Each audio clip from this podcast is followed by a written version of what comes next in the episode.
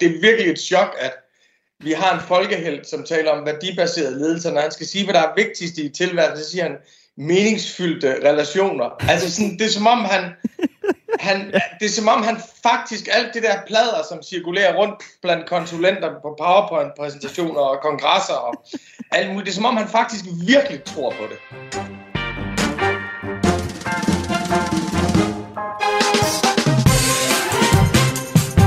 Det her er Mandsopdækket Radio 4's EM-podcast om fodboldspillere og ikke bare fodbold. Din værter er kulturskribent Katrine Lundager og jeg selv, fodboldjournalist Dan Grønbæk. I de her tider, Katrine, der går jeg og øh, faktisk bliver kastet en lille smule tilbage til øh, starten af marts sidste år. Mm. Det er jo de her dage ved, øh, med det berømte pressemøde, hvor øh, Danmark bliver lukket ned for at blive den øh, term, øh, efter vi i nogle tid har betragtet corona som sådan noget, der skete ude i den store verden. Så kommer det lige pludselig hjem, og Mette Frederiksen står som den store leder, og Ja. kan få lov til at, at ligesom øh, åbne op for den her øh, fælles krise, vi nu skal igennem, og, øh, og love os, hun nok skal føre os igennem den, stille og roligt. Ja. De der første 10 uger, kan du huske fornemmelsen af Mette Frederiksen der? Ja, jeg kan virkelig hu- tydeligt huske fornemmelsen. Jeg, jeg kan også huske fornemmelsen fra den aften, hvor man sad i sofaen og tænkte, åh, det bliver fedt at have mit voksebarn hjemme og, og også passe mit arbejdsliv. Ja. Det tænkte alle, jeg tror jeg. Og det var Ja. sådan i de der dage, at fortællingen om Mette-mor ligesom startede, ikke? Altså som, ja. Ja. som passede på os landsmoderen, der havde styr på tingene for os, og nok skulle guide os sikkert igennem, hvis bare vi øh, gjorde, hvad hun sagde. Ja, der var ikke mange kritiske røster der i Nej. begyndelsen. Socialdemokratiet havde en øh, storhedstid. Det i må de man perioder. Øhm, men jeg kom til at tænke på det, fordi i de her dage, der har vi jo, øh, hvad jeg vil kalde en landsfader i Kasper Julemand, vores landstræner, som jo øh, både på det fællesskabsmæssige, men også på det fodboldmæssige, og på det sådan nærmest identitetsmæssige, lige nu øh, guider os danskere igennem en sådan en, en indtil videre 24-dages øh, nærmest traumatisk oplevelse til at starte med, så siden har det jo været sådan en begejstringstur, vi har været på sammen, med virkelig mange store følelser. Den her mand, der sidder på fjernsyn, og, og bare lader os være i de der følelser. Ja, fuldstændig. Nu skal vi bare være der sammen. Ja, vi er der bare sammen. Og Kasper har den. Så vi skal bare tage det Men det er, så, det er så trygt, ikke? Han har det virkelig. Men det har han jo, og hvis ikke det er ham, der står og siger det, så er det øh, sådan mega tatoveret, meget, meget maskuline Simon Kær, som, hvor man virkelig sådan en mandemand, som står og fortæller, hvor, hvor vigtig Kasper Julemand er for den proces, følelsesmæssige proces, de har været igennem på landsholdet. Kasper Schmeichel gør det samme. De, de unge spillere, hvordan de nærmest, man kan nærmest mærke, hvordan de bliver mænd under Kasper Julemands øh, vejledning lige nu. Ja, altså det er jo lige før, man sådan lugter lidt faderkomplekser, ikke? Men øh, det, Nej. det, dem er der jo masser af i fodbold. Dem er der masser af. Vi skal i dag kigge lidt nærmere på øh, 49-årige Kasper Julemand, Danmarks øh, landstræner, som jo er trådt ind i rollen som øh, landsfader, men også som moderne leder, Absolut. som virkelig er en lederleder på det her landshold, øh, som øh, øh, både anerkender og ophøjer spillerne, medarbejdernes følelsesliv, Og ligesom- danskernes. og danskernes følelsesliv. Og øh, det hele det kan jo i virkeligheden ret godt opsummeres i et citat fra omslaget, omslaget af hans øh, biografi. Øh, det er Morten Glimmed, fremragende fodboldjournalist, der har skrevet den, øh, hedder Fodbolddrømmer. Og på omslaget, der står der, at hvis et øh, fodboldhold er godt trænet, så kan jeg se store dele af trænerens personlighed inde på banen. Er træneren autentisk som leder, viser spillet mig, hvad træneren er for et menneske. Mm, Ja, skal ja. snakke om, hvad Kasper Julemand er for et menneske, og hvordan øh, det kommer til udtryk i vores fodboldhold. Og hvordan man er en autentisk leder. Det er sådan noget, jeg virkelig, virkelig elsker. Også mig. Ja. Velkommen til dagens udgave af Mandsopdækket.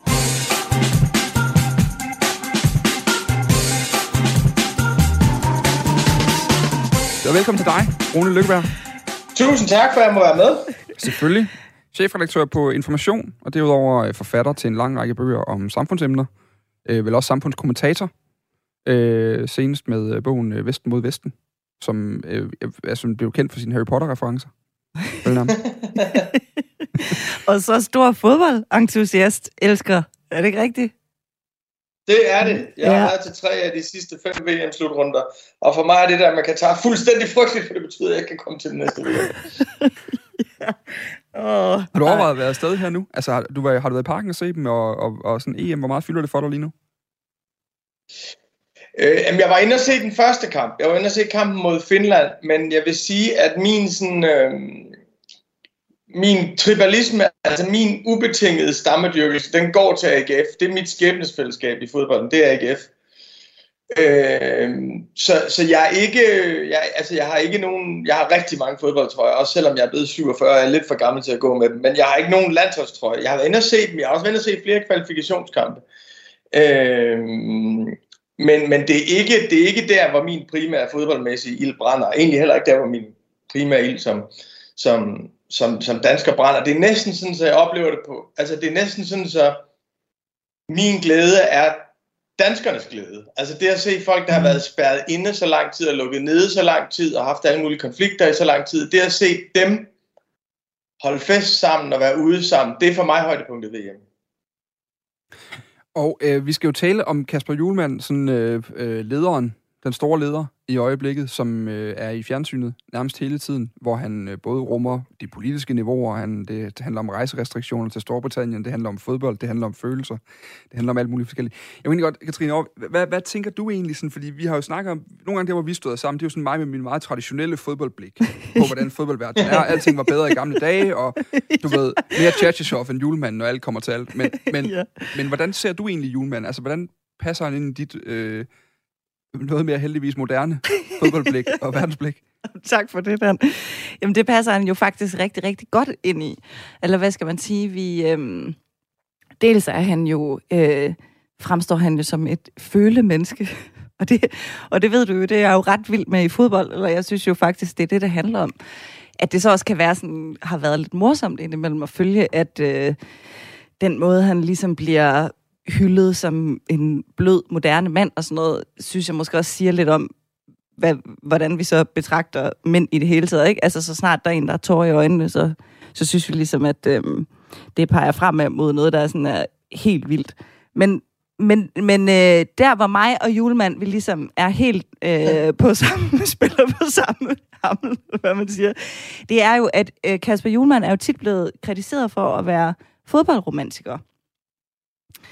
Øh, for det der med, at han ligesom øh, har den her såkaldt, det er jo en stor ting i fodbold, ikke? At vi ligesom på den ene side har de her kynikere, der går op i at vinde, og så har vi de her sådan romantikere, som også går op i, hvordan vi ser ud, ikke? Og når man er Barcelona-fan, som jeg er, så kan jeg sige, at det bliver man øh, kritiseret for rigtig, rigtig meget, ikke? Ja. Øhm, men Julemand har, og han har jo den her spilfilosofi om, at, ligesom, at øh, det går ud, vi skal have bolden meget, og det har han jo også ret i så scorer de andre jo heller ikke. Og han synes ligesom, når men det er også skide irriterende, at han har skulle forsvare det her rigtig meget, ikke? Og nu er det jo sådan øh, totalt lykkes for ham. Altså, vi kan jo sagtens diskutere det der med i virkeligheden, om ikke også vi har momenter, hvor det ikke fungerer så godt spilmæssigt, men vi har jo rent faktisk scoret rigtig mange mål. Øhm, så han er jo virkelig kommet til live som det her sådan misforståede moderne geni, ikke? Øh, også fodboldgeni. Og det kan jeg, den historie kan jeg rigtig godt lide. Hvordan, hvordan ser du på ham som leder, Rune? Jamen, jeg synes, han kombinerer to ting, som har hver deres greb i samfundet. Det ene er selvfølgelig det der management vulgaris-sprog, han taler. Altså virkelig er, det er virkelig et chok, at vi har en folkehelt, som taler om værdibaseret ledelse. Når han skal sige, hvad der er vigtigst i tilværelsen, så siger han, meningsfyldte relationer. Altså sådan, det er som om han, han, det er som om han faktisk, alt det der plader, som cirkulerer rundt blandt konsulenter på PowerPoint-præsentationer og kongresser og alt muligt, det er som om han faktisk virkelig tror på det. Altså det er meget sjovt, vi har den der guru-serie med Kasper Kvam på, øh, eller Simon Kvam på, øh, på DR2, og Svend Brinkmans opgør med alt det der, hvor det ligesom, man, troede, det, man troede egentlig, vi var færdige med det der management vulgaris værdibaseret ledelse. Og så er det fandme landstræneren, der står og siger, at hele nationen er med ham. Det er jo ligesom den ene side af det. Men den anden side af det er, at Julemand er også et produkt af det socialdemokratiske foreningsdanmark. Han er også, altså han har jo været med til at lave den strategi for ungdomsfodbold i DBU, sammen med Kjeld Bordengård, som det lavede i 2004 eller 2005, som er sådan noget, som får mig til at elske Danmark. Altså det er jo det der princip med 50-25-25, som er, at 50% af tiden skal børnene spille sammen med nogen, der er lige så gode som dem selv, 25% af tiden skal de spille sammen med nogen, der er bedre end dem selv, og 25% af tiden skal de spille sammen med nogen, der er dårligere end dem selv, hvor man faktisk tænker fodbold som et sted, hvor man udvikler kammeratskab og, og solidaritet mm. og nogle sociale færdigheder. Og på den måde er han ligesom del af DBU's fodboldskole, kom også til til FC Nordsjælland og gjorde jo dem til mestre. Altså virkelig i, det, øh, i en epoke præget af FCK og FCM, og så lidt af, af Brøndby og lige om lidt af AGF, men af, af, sådan, af, af meget, meget pengestærke fusionsklubber, så de jo alle tre er de tre første, jeg nævnte. Så kom han faktisk og gjorde FC Nordsjælland til, til mester. Jeg ved godt, det også er en fusionsklub, men jo ud fra et meget stærkt ungdomsarbejde, ud fra at der er en bestemt måde, man vil, en bestemt måde, man vil gøre tingene på, og hvor det vigtige for FC Nordsjælland er jo ikke, hvem der spiller derinde. Det er, hvordan de spiller. Du kan tage en 4-5 mm. spillere ud af det hold, og så spiller de alligevel på samme måde. Og altid, når man er oppe og se AGF spille mod FC Nordsjælland, det er den samme måde, de spiller på. Og så der er på den ene side sådan en forankring i Forenings Danmark og hele det sociale projekt, forståelsen af, hvad sport er for en kraft i Danmark, og så på den anden side det der managementplader, øh, som gør ham til en speciel skikkelse, men jeg kan godt se, at han forener forskellige tendenser. Og så er der jo, så det er ligesom det, han repræsenterer i Danmark, synes jeg, så fodboldmæssigt er han jo sådan et barn, ligesom jeg selv er af VM i 82, altså Brasiliens hold der med Eder, Zico, Sokrates, Falcao, Serginho, Toninho, Cerezo. Altså det der var det bedste hold nogensinde, der bare ikke blev verdensmester. Og det er hans romantik. Det er Cruyff, det er Guardiola, ja. og, det er, ja, og, det er, og det er det der hold. Man kan, man kan med fordel læse øh, den fodboldbog, der hedder, øh, jeg tror, den hedder Brilliant Orange, måske. Den, øh, jeg kan ikke huske titlen nu, men det, den handler i hvert fald om hollandsk fodbold. The Neurotic Genius of Dutch Football. Den er skrevet af den øh, britiske fodboldjournalist øh, David Winner. Og, og det er sådan en bog, når man læser den igennem om den hollandske fodboldhistorie og folk, øh, fodboldtankegang, så er det virkelig, det, det skriger julemand på alle mulige måder. I den måde, man tænker det på, sådan ekvibristisk og, og voldsomt. Men, men lad os lige blive det der management-plader, fordi jeg har jo taget mig selv i at sidde og blive følelsesramt en gang imellem. Og nu siger jeg, bruger bevidst ordet følelsesramt, når jeg hører julemand tale. Fordi det er sådan nogle pludselige indskydelser af, hold, hold op, øh, øh, du har lige vundet over Rusland, alt det her, og alligevel så er det hele tiden at tale om det fantastiske fællesskab, som har formået at bearbejde nogle ting øh, helt øh, grundigt. De her spillere, der virkelig tør være i sig selv, tør være i deres følelser, tør befinde sig i det der, hvor jeg kan simpelthen ikke finde nogle eksempler i min fodboldhistorik, hvor, hvor jeg kan huske en træner, der på den måde har lagt vægt på de ting. Og så samtidig så er han jo sådan en, der også bliver talt om som en, øh, og det er et af mine yndlingsbegreber, i hvert fald at undersøge, for jeg forstår det virkelig ikke, men en autentisk leder. Øh, og, og den, der, den der autentiske mand og person, der tør være i sine egne følelser og bruge dem aktivt. Har, har I set noget lignende? Altså, er, er det mig, der er helt øh, historieløs, eller, eller er vi øh, et, et, et nybrud på en eller anden måde her? Inden for fodbold? Eller Måske egentlig i samfundet egentlig. Altså, øh, den der ledelseskarakter, der på den måde stiller sig frem og faktisk, øh, må man jo sige nu, efter den traumatiske hændelse, der var med Eriksen første kamp, ikke bare øh, øh, taler, men også øh, faktisk handler efter, hvad han siger. Øh, for der er ikke nogen tvivl om, at, at det har været det rigtige forum og den rigtige tilgang måske til at bearbejde de voldsomme følelser, der har været i den spillergruppe. Men kan I mindes, at der har været så meget snak om følelser før? Altså, den første, jeg kommer til at tænke på, det er faktisk, var det ikke også det, Obama ligesom havde i starten, faktisk, på os alle sammen? Der bliver man også følelsesramt. Han talte også ligesom i det der sådan, fællesskab, yes we can, og, og meget sådan, jeg kan huske den der indsættelsestale, det var også sådan meget patos. Ja. Hvilke, det, andre, det, ja. hvilke andre ledelsesgiver kommer du til at tænke på, Rune? Nej, men jeg synes ikke, han er så usædvanlig, hvad det angår. Han er heller ikke, det er heller ikke sådan, så jeg tænker, at, at jeg er en violin, og han er buen, der stryger over mine følelser, og så artikulerer han noget, som jeg aldrig havde set før. Altså, det, det er klart, der er en begivenhed, som er helt særlig. Der er den begivenhed med, med, med, med Christian Eriksen, og det er den ene ting, følelser. Altså, vi har jo set landsholds nummer 10 dø foran vores øjne, hele nationen. Det er mm. ligesom den, den ene ting. Og den anden ting er, tror jeg, at danskerne har været spadet inde i meget, meget lang tid. Altså det at være fælles om noget, og det at altså være sammen i offentlige rum, det er jo noget, der er blevet taget ud af vores liv i, øh, i, i halvandet år, og der er også inde i det der. Nu har der været enormt meget snak om, hvad vi er gået glip af, og hvad vi har mistet. Og det alt det kø, alt det, jeg har en, en der går i 9. og en, der går i 3. G, så jeg har også set, hvor meget de har tabt, der ikke kommer igen, og som er, som er umisteligt. Men der er også en anden side af den fortælling. Det er, at det er også en generation af danskere, som faktisk har fået mulighed for at gøre noget for hinanden.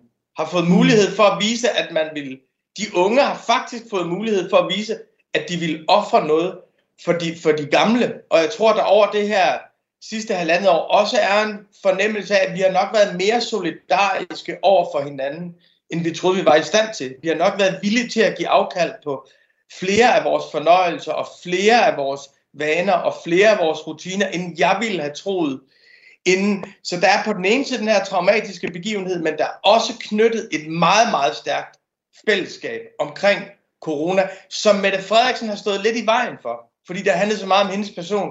Og jeg tror, at det, der sker nu, er, at man tager simpelthen Mette Frederiksen ud af ligningen. Hun har ikke en skid at gøre med det her. Og så er der, så, så er der fællesskabet fra corona og, og traumet med, med, med Christian Eriksen. Og det tror jeg helt er, altså det, det, det ser jeg ikke som sådan en fuldstændig unik ledelsespræstation fra Kasper Julemand, at han har artikuleret det.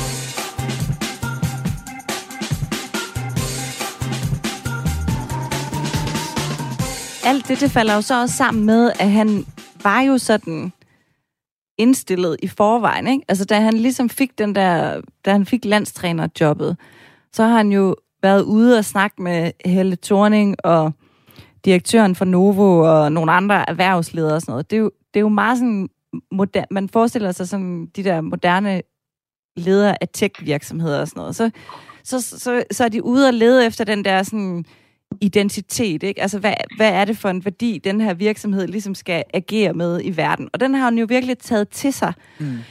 Øhm, og, og, og jo ligesom altså, han har jo været ude for at finde ud af, hvem, hvem, hvad er Danmark? Hvem, hvem er vi danskere? Og ligesom nået frem til de her værdier med, med fællesskab jo især, ikke?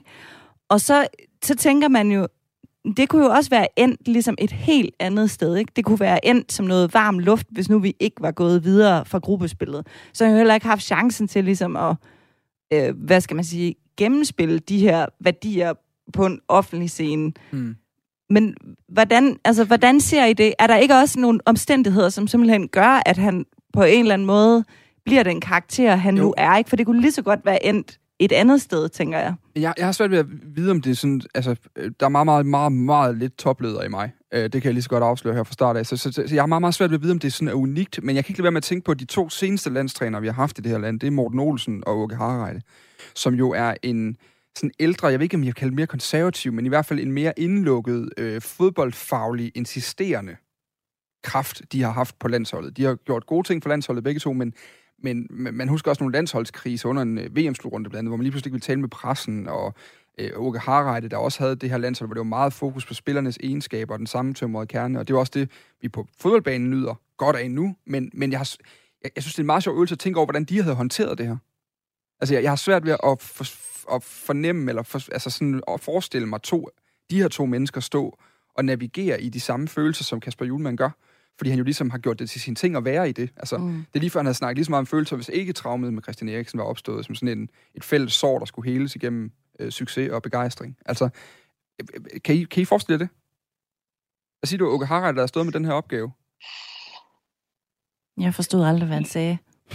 Nej, altså, men jeg tror, at jeg synes, Katrine har ret i, at Kasper Julemand er gået til den opgave at være landstræner med en anden forståelse af landsholdet, end nogen andre har gjort inden. Altså han, er ligesom, han har sagt, øh, også med en af de kommentarer, der overhovedet ikke rører mig, men at landsholdet skal røre danskerne. Og han er ligesom, fordi der har jo været en periode, hvor folk har været ligeglade med landsholdet. Altså der har jo været en periode, hvor landsholdet ikke har betydet noget.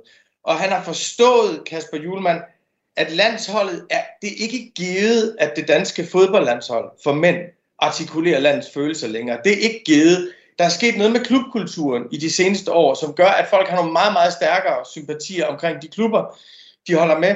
Der er sket noget med international fodbold, som gør, at folk ser rigtig, rigtig, rigtig meget rigtig god fodbold. Og det betyder, hvis din, har, hvis dine store følelser, de ligger hos dit klubhold, og hvis den store æstetik, den ligger i Champions League, så er der altså rimelig langt ind i parken, og vi skal ikke glemme, at det faktisk har været svært at fylde parken op. Det har været svært at skaffe øh, opbakning til, til det her landshold, så han har fra starten forstået, at et landshold skal erobre Danmark. Ja. Det er ikke nok bare at være landshold. Og han har også forstået, det som for mig var lidt en gåde, det er, altså hvorfor fanden er danskerne utilfredse med Åke Harreide? Vi, det, pludselig er, vi har vi en verdensrekord i at være ubesejret. Men det er ikke nok for danskerne. Det skal også være tiki-taka.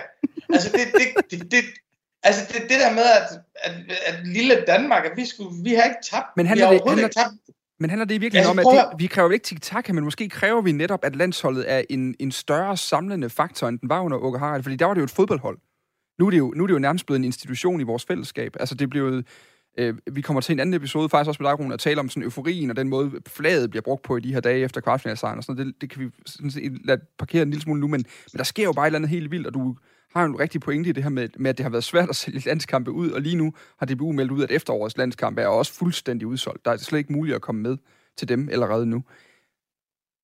Men det, som jeg bare er lidt i tvivl om, det er, om, om det ikke bare er et sammen, er sammenfald, det der med, at der kommer en mand og har talt med Helle Thorning og Novo Nordisk, og taler om værdibaseret ledelse og, og landsholdsidentitet, og så det, der sker inde på banen, og det, der sker i Danmark. Jeg vil i hvert fald sige, at i den store historieskrivning, der vil jeg sige, at det med Christian Eriksen og corona har været vigtigere for Kasper Juhlmanns succes, end hans rejse rundt for at fortælle om Danmarks identitet. For jeg tror faktisk ikke, der er nogen, der kan huske, hvad han så fik ud af den der tur. Og jeg vil, altså, han har ikke sagt noget som helst om Danmark, der ikke kunne stå bag på en gajolpakker, som man havde hørt tusind gange før. Så det er rigtigt, at han havde ambitionen.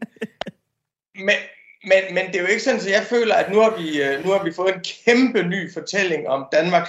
Men det man så må sige, det er, at han har, han har ligesom han har lavet en ny mandetype artikulere sig i Danmark, nemlig det der med, at den tatoverede mand også kan være den følsomme mand. Mm. Og det der med, at det der med følelserne og kammeratskabets absolute forrang over for præstationen. Og der føler jeg, at Forenings Danmark vinder inde i Kasper Julemand over Management, øh, over Management Danmark. Altså, jeg synes, det er bemærkelsesværdigt, at, at øh, derimod Finland, at Simon Kjær faktisk går ud efter 65 minutter. At han ikke, ja. altså normalt, når, altså, at, at han faktisk ikke kan spille kampen færdig. At han faktisk lærer følelserne overvældelse. Jeg kan sagtens huske folk, der har været lige så autentiske som Kasper Julemand. Altså, Ulrik Vilbæk var meget mere autentisk end Kasper Julemand. Ulrik Vilbæk var en langt mere ekscentrisk landstræner, og en fantastisk, altså han var ligesom konkurrencestatens landstræner, der gav ultimativ plads til, til individualister på, på landsholdet, og har vundet både med damer og herrer. Altså, Ulrik Vilbæk er en træner i en helt anden liga. Sepp Piontek kom med et kulturopgør i Danmark. Altså, Sepp Piontek kom fra Tyskland og gennemførte det, og ville det, og slog Kurt, Kurt Nikolaj Nielsen. Altså, den stil, der var. Da jeg var barn, der var stilen jo, vi vil ikke have guld og sølv, bare vi får sprut og øl. Altså, det var stilen. Lige præcis. Øh, og så kom Sepp Piontek, og så var vi altså, og så var vi ud af ingenting var vi et hold, der godt kunne have vundet VM og godt kunne have vundet EM.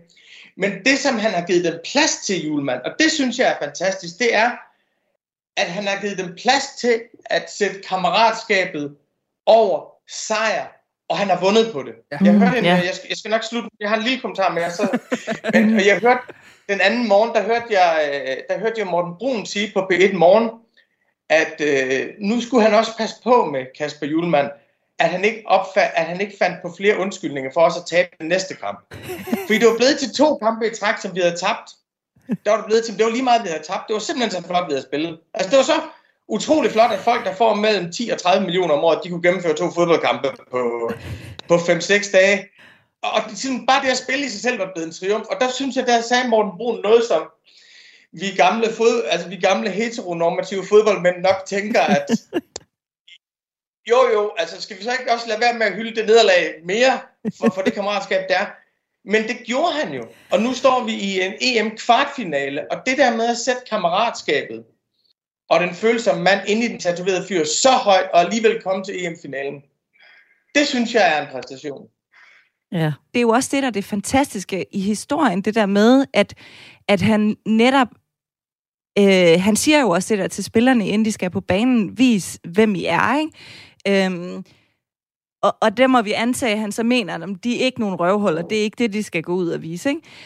Og det er jo bare sådan, det er jo fantastisk i den ligesom fodboldverden, vi også står i, at sætte det over øh, præstationerne. Ikke? Og det tror jeg bare mm. er, det, det tror jeg for så vidt ikke er noget nyt. Det tror jeg er en dyb, dyb længsel hos alle os, der ligesom er, er elskere i den her øh, forfærdelige, depraverede fodboldverden efterhånden. Ikke? Mm. Altså det der med, at få, man føler virkelig sådan, vi er tilbage ved noget, der er mere ægte. Altså noget, der, der, der virker som mere sådan originalt, autentisk, selvom det efterhånden er et lidt øhm, for tærske ord. Ja, vi kommer tilbage til det autentiske lige Tror I, mm. tror I at Julemand ville, øh, hvad hedder det, hvis vi nu skal bruge Zlatan som billede på den ultimative egoist i fodboldverdenen, individualisten, som øh, dybest set øh, nok skal vinde mesterskaberne, så længe fællesskabet bare lige forholder sig i ro bagved.